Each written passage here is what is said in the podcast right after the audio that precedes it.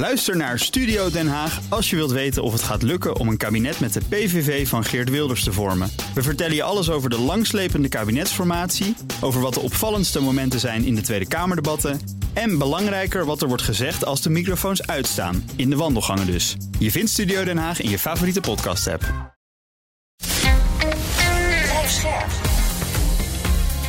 BNR Nieuwsradio. Boekenstein en de Wijk. Mark Beekhuis. Welkom bij Boekenstein en de Wijk. Het is woensdag, dag 490 van de Russische oorlog in Oekraïne. En Arend Jan en Rob, jullie zijn er allebei weer. We leven nog. Wel zeggen. Rob, wil jij uh, het rondje rond, uh, langs het front maken in Oekraïne? Ja, zijn we snel klaar hoor, want er gebeurt niet zoveel. Kijk, uh, er eigenlijk ook in vier sectoren uh, langs het hele front, zeg maar vanaf de Dniepro tot helemaal in het oosten, wordt hard gevochten. Oekraïne die boekt eigenlijk geen echte terreinwinst. Dat geldt ook voor Rusland. Um, kortom, daar gebeurt niet heel veel. Wat we dus wel zien is dat er steeds meer analyses komen. Waarom uh, dat uh, zo is. Nou, het terrein is in belangrijke mate, bijvoorbeeld in die Zaporizhia Oblast, uh, feitelijk heel erg lastig voor het offensief. Het is helemaal vlak.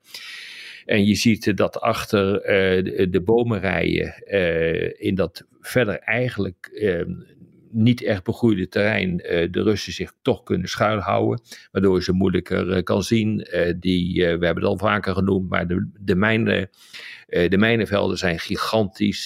de, de versterkingen, de fortificaties die de afgelopen maanden zijn gebouwd, die zijn onwaarschijnlijk uitgebreid. Interessant is dat we steeds vaker zien wat de effecten zijn geweest van die damdoorbraak. Een offensief tegen Rusland door Oekraïne uh, over die Dniepro is eigenlijk uh, feitelijk uh, onmogelijk. want die rivier die is met name breder geworden in het benedenste deel van, ehm, van de loop. Dus je, je, je bent ook gewoon niet in staat om, om dat te doen. maar dat is wel de snelste route naar Kiev. Helemaal onmogelijk is het niet. Maar wat we wel zien is dat Rusland in toenemende mate troepen weg heeft gehaald uit die Gerson-regio, waar dus uh, die uh, damdoorbraak uh, ook behoorlijk heeft huisgehouden en die worden ingezet. In de Zaporizhia-regio kan je ook gewoon op de kaarten zien, hè, want er zijn websites van de slagorde. Ja, dat maakt het voor Oekraïne echt steeds meer, steeds moeilijker. Daaroverheen natuurlijk gaan de raketaanvallen door. Um, zeer recent nog de grote aanvallen op Kramatorsk, waar een pizza-restaurant is getroffen. Dus in de regio Gerson um, ook nog uh, 10 doden, 61 gewonden. Nou, ik bedoel, het ziet er allemaal niet fijn uit. En degene die denken dat door alle ellende uh, die Prigozhin voor uh, Poetin heeft aangericht, dat, het, dat dat enorm Oekraïne de kaarten speelt, die moet ik echt teleurstellen, want dat gebeurt niet op dit ogenblik. Daar zie je helemaal niks van terug? Nee, daar zie ik echt niks van terug. Want de basis is weg. Een deel van het leger uh, zit er nog, maar een deel is waarschijnlijk ook vertrokken. Ja, maar realiseer... Of ik zeg het leger, Wagner bedoel ik dan. Ja, realiseer dat Wagner zit toch al aan het terugtrekken, uh, Bas. Die ja. hebben uh, de boel overgedragen aan de Russische landstrijdkrachten. terecht, want die mensen waren natuurlijk moe gevochten, dus die trekken zich terug. En die zijn toen andere dingen gaan doen, waaronder een, een mars, naar, mars voor de gerechtigheid naar Moskou uitvoeren. Ja, weet je, Kuleba, dus minister Zaken van Oekraïne, zegt zelf ook... die opstand van Prigozhin duurde eigenlijk te kort... om het Russische moreel echt uh, nog verder te ondermijnen. Als hij dat al zegt, dan uh, lijkt me dat uh, ernstig. Nee, maar dat klopt. Kijk, het, het had echt wat uitgemaakt, uh, Arend Jan, als uh, onze grote vriend Prigozhin in staat is uh, geweest om dat operationele hoofdkwartier in, in Rostov aan de Don, waar ja, die hij dus tijdelijk bezet heeft, als hij dat echt had kunnen ontregelen, maar kennelijk heeft hij dat gewoon bewust niet gedaan, dan hadden ze echt een onmetelijk probleem gehad in, in Oekraïne, de Russen. Maar dat heeft hij niet gedaan, dus ik bedoel, dat valt ook weg. En zou dit via de band misschien toch iets kunnen opleveren? Dat bijvoorbeeld westerse landen denken: hé, hey, maar daar kan daar chaos ontstaan. Laten we ze toch nog eens even een beetje helpen met extra wapens, bijvoorbeeld. Dat zegt Restikov zelf. Die schat in dat het Westen meer gaat steunen. Wie is dat dus ook weer? Oekraïnse minister van Defensie. Oh ja. Die denkt dus dat die Wagner-opstand leidt tot meer Westensteun. Natuurlijk ook allemaal wensdenken van hem, maar het kan zijn dat het zo uitpakt. Ja? Nou ja, er waren vandaag veel berichten over wapens die wel en niet geleverd gaan worden. Ja, we kunnen het misschien gelijk wel eventjes doen. Hè. 500 miljoen, dus een half miljard van het Pentagon Gaat over Patriot-raketten, raketten voor de HIMARS, uh, 55 Bradley en Stryker panzervoertuigen. En ook allemaal equipment om mijnen. Ze hebben echt grote problemen met die mijnen. Hè? Dat is volstrekt duidelijk. Het is gewoon vreselijk, die mijnen. Hey, nog één dingetje op de, op de grond. Dat, dat was een paar dagen geleden al. Weet je nog, al die eilandjes in de Dnieper, daar hebben ze nu wel veel meer van bezet. Ja, klopt. En uh, of dat tot iets leidt, weet ik niet. Maar dat is wel goed om het even te benoemen, denk ik. Veel experts die ik zie, die zeggen het is echt heel erg lastig hoor. Om die, ja. uh, die rivier echt over te, te steken. Bruggen bestaan niet meer. Het land was ondergelopen, is natuurlijk nu op dit ogenblik alweer redelijk droog, maar is niet overal even begaanbaar. Dus ik, ik, ik denk dat het erg lastig is. En kijk, het enige uh, voordeel uh, die het heeft opgeleverd is feitelijk voor Rusland, want die kon zijn troepen makkelijker verplaatsen naar sectoren waar gevreesd werd dat Oekraïne een doorbraak zou, zou forceren. ja, dus het is niet in het voordeel geweest van Oekraïne dit. Maar goed, even, even terug. Kijk naar die vraag van uh, wat zou dit nou kunnen betekenen uiteindelijk voor, de, voor Oekraïne. Kijk, één ding is zeker. Uh, er is nu ook weer bekend uh, geworden dat generaal Surovkin kennelijk wist van deze um, actie van Prigozhin. En dat is niet, niet onbelangrijk. Dat is niet echt, lijkt het sprake te zijn van een samenzwering. Want uh, die heeft ook uh, gezegd op een gegeven ogenblik, uh, Prigozhin hou hiermee op. dit, dit is niet goed. dit ondermijnt eigenlijk alleen maar onze acties tegen Oekraïne.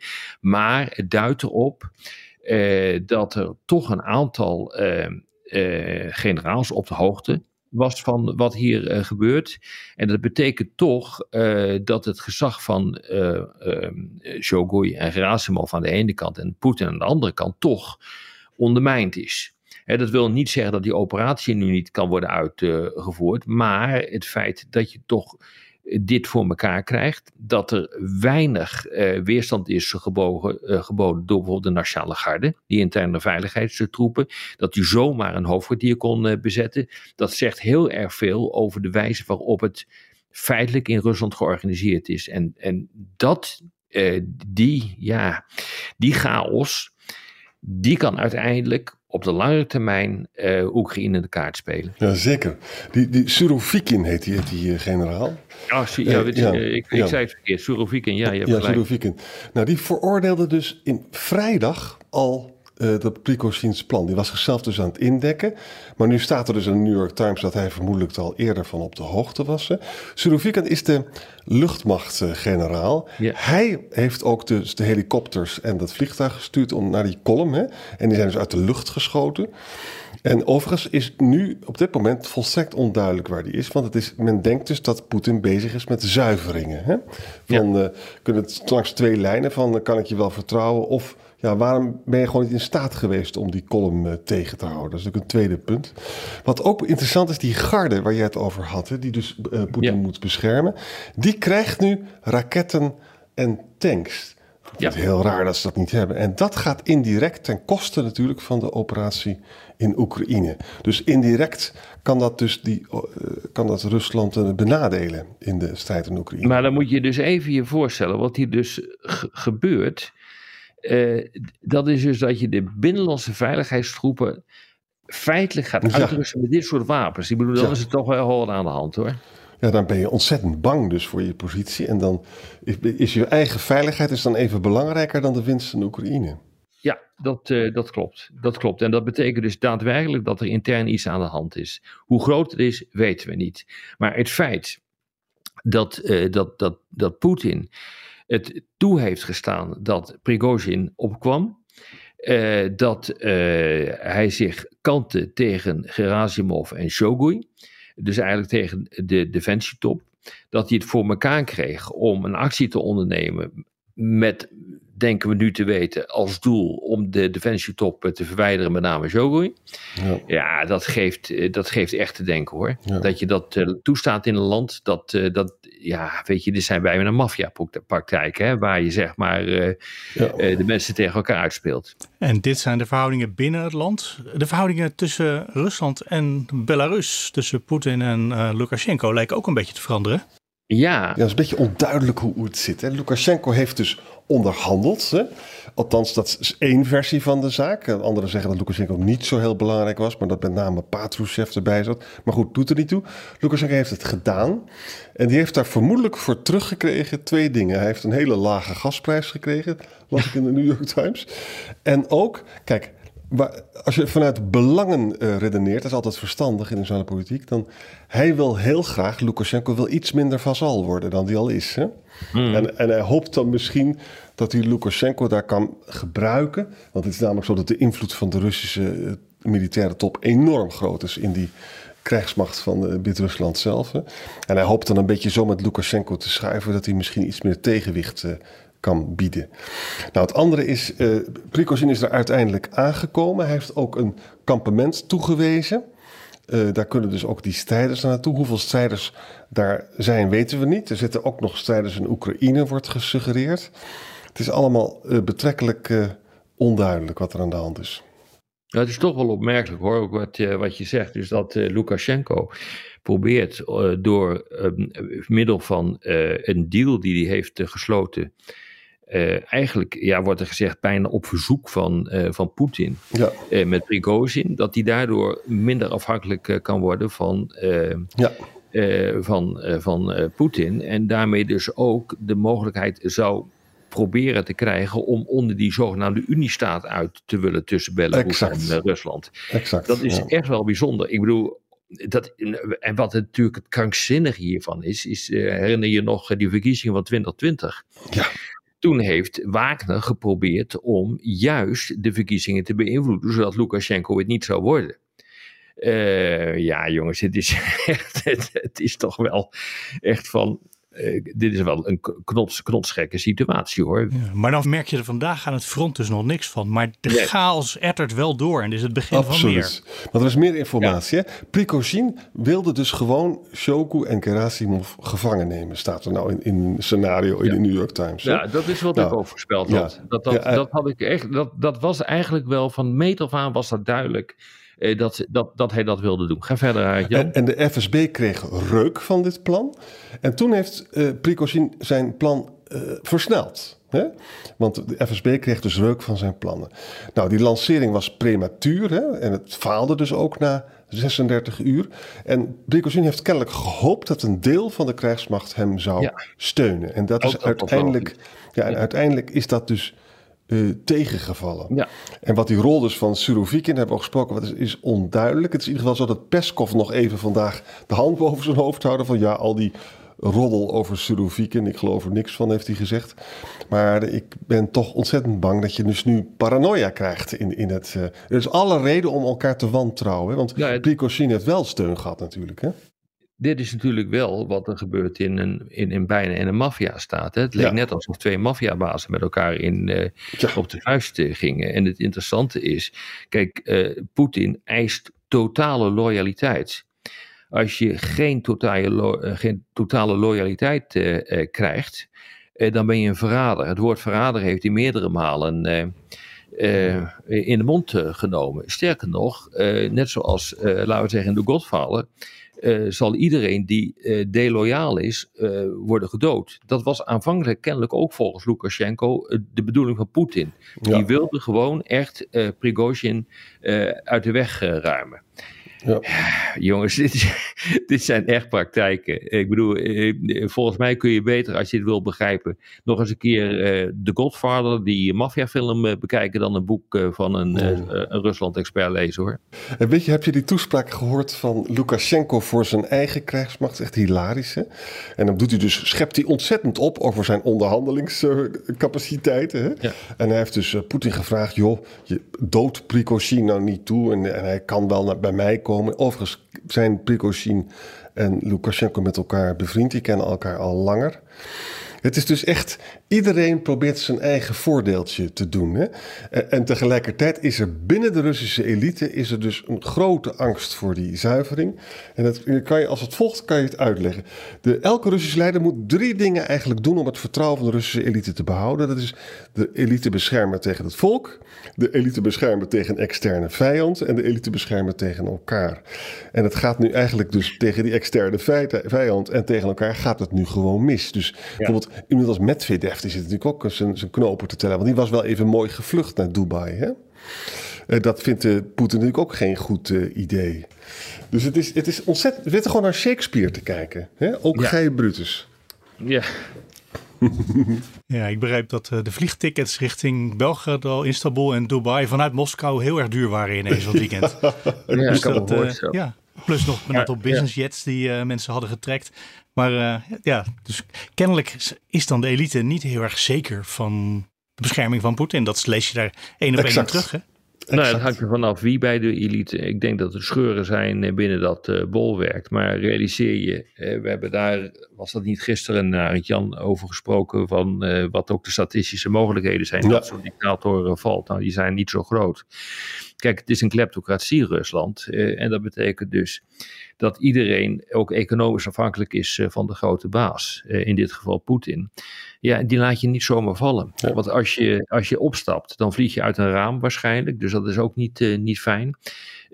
en als de boel in elkaar klapt, ben je ook alles kwijt. Hè. Realiseer je dat, dat die mensen in enorme paleizen wonen, die ze allemaal bij elkaar hebben mogen schrapen van uh, Poetin. Maar ja, loyaliteit is er wel de prijs die je daarvoor betaalt. Niet loyaal meer, dan raak je alles kwijt en uh, val je uit een raam.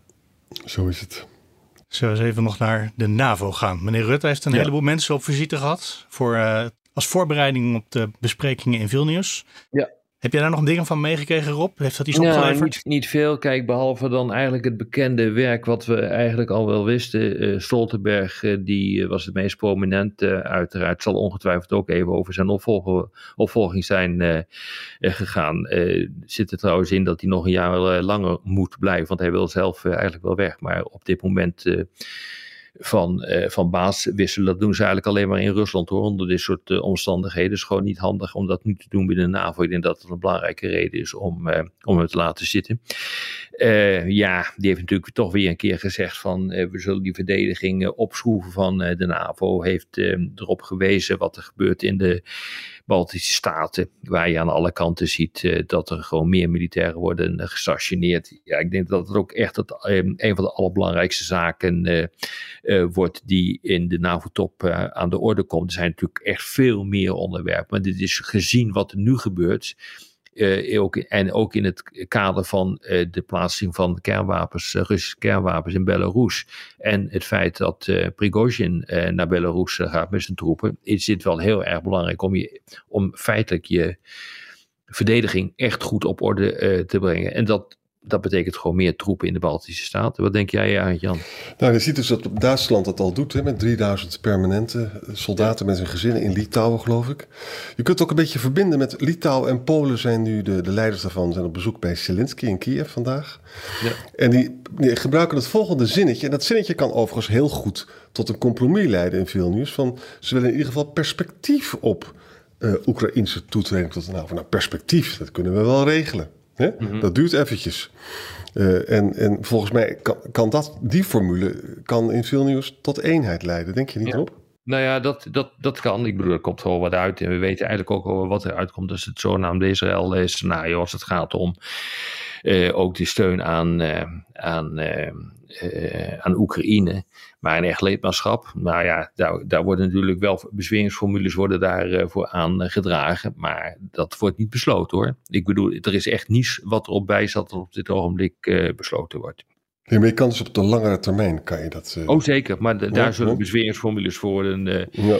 Uh, voor worden uh, uitgevonden. En een belangrijk punt is dat, uh, en dat is ook feitelijk denk ik al een besluit dat genomen is, het Membership Action Plan, dat is een soort voorwaarde om lid te kunnen worden. daarin is, dat is een plan om ervoor te zorgen dat je aan alle eisen gaat voldoen. Dat kan hier in dit geval worden overgeslagen. Ja, dat kon je zelf ook wel bedenken. En ze voldoen al. Ja, als er één land geschikt is op dit ogenblik om militair gezien toe te treden, dan is het, dan is het Oekraïne wel.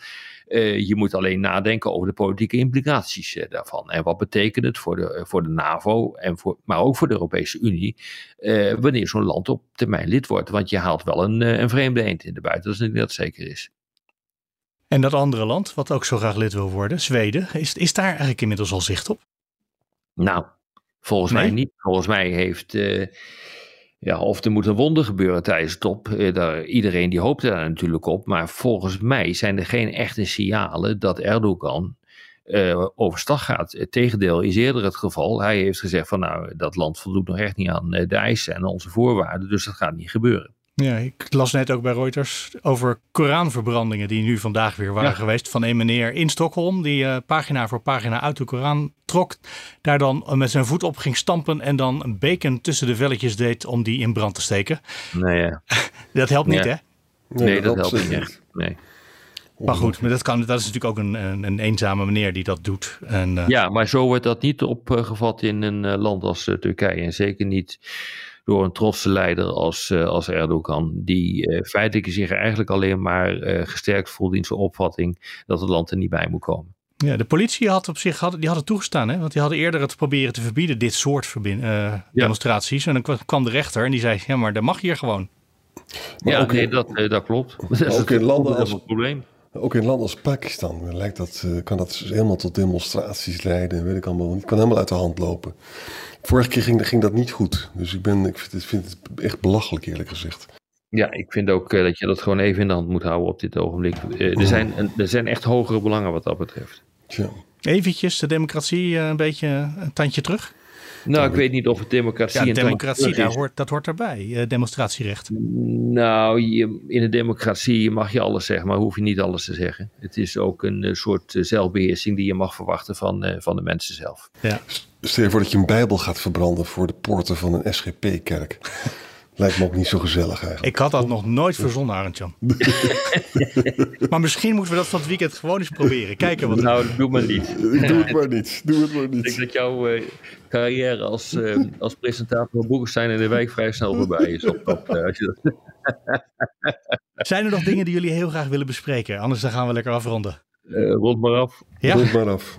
Dan gaan we morgen weer verder uh, met, uh, met een luisteraarsvraag, denk ik. Uh, Rob, had jij niet een hele mooie vraag gevonden? Ja, ik had een hele mooie vraag gevonden. Kijk en dat gaat natuurlijk ook weer over, over Prigozhin en ga zo maar door. Daar blijft een overleven over door uit, hoor, de komende ja, tijd. dat thema is nog niet klaar. Maar goed, morgen meer daarover. Dus heel graag tot morgen. Dankjewel allebei. Tot morgen. Ook Thomas van Zeil vind je in de BNR-app. Je kunt live naar mij luisteren in Zaken doen. De BNR-app met breaking news, het laatste zakelijke nieuws... en je vindt er alle BNR-podcasts, bijvoorbeeld Het Nieuwe Geld. Download nu de gratis BNR-app en blijf scherp.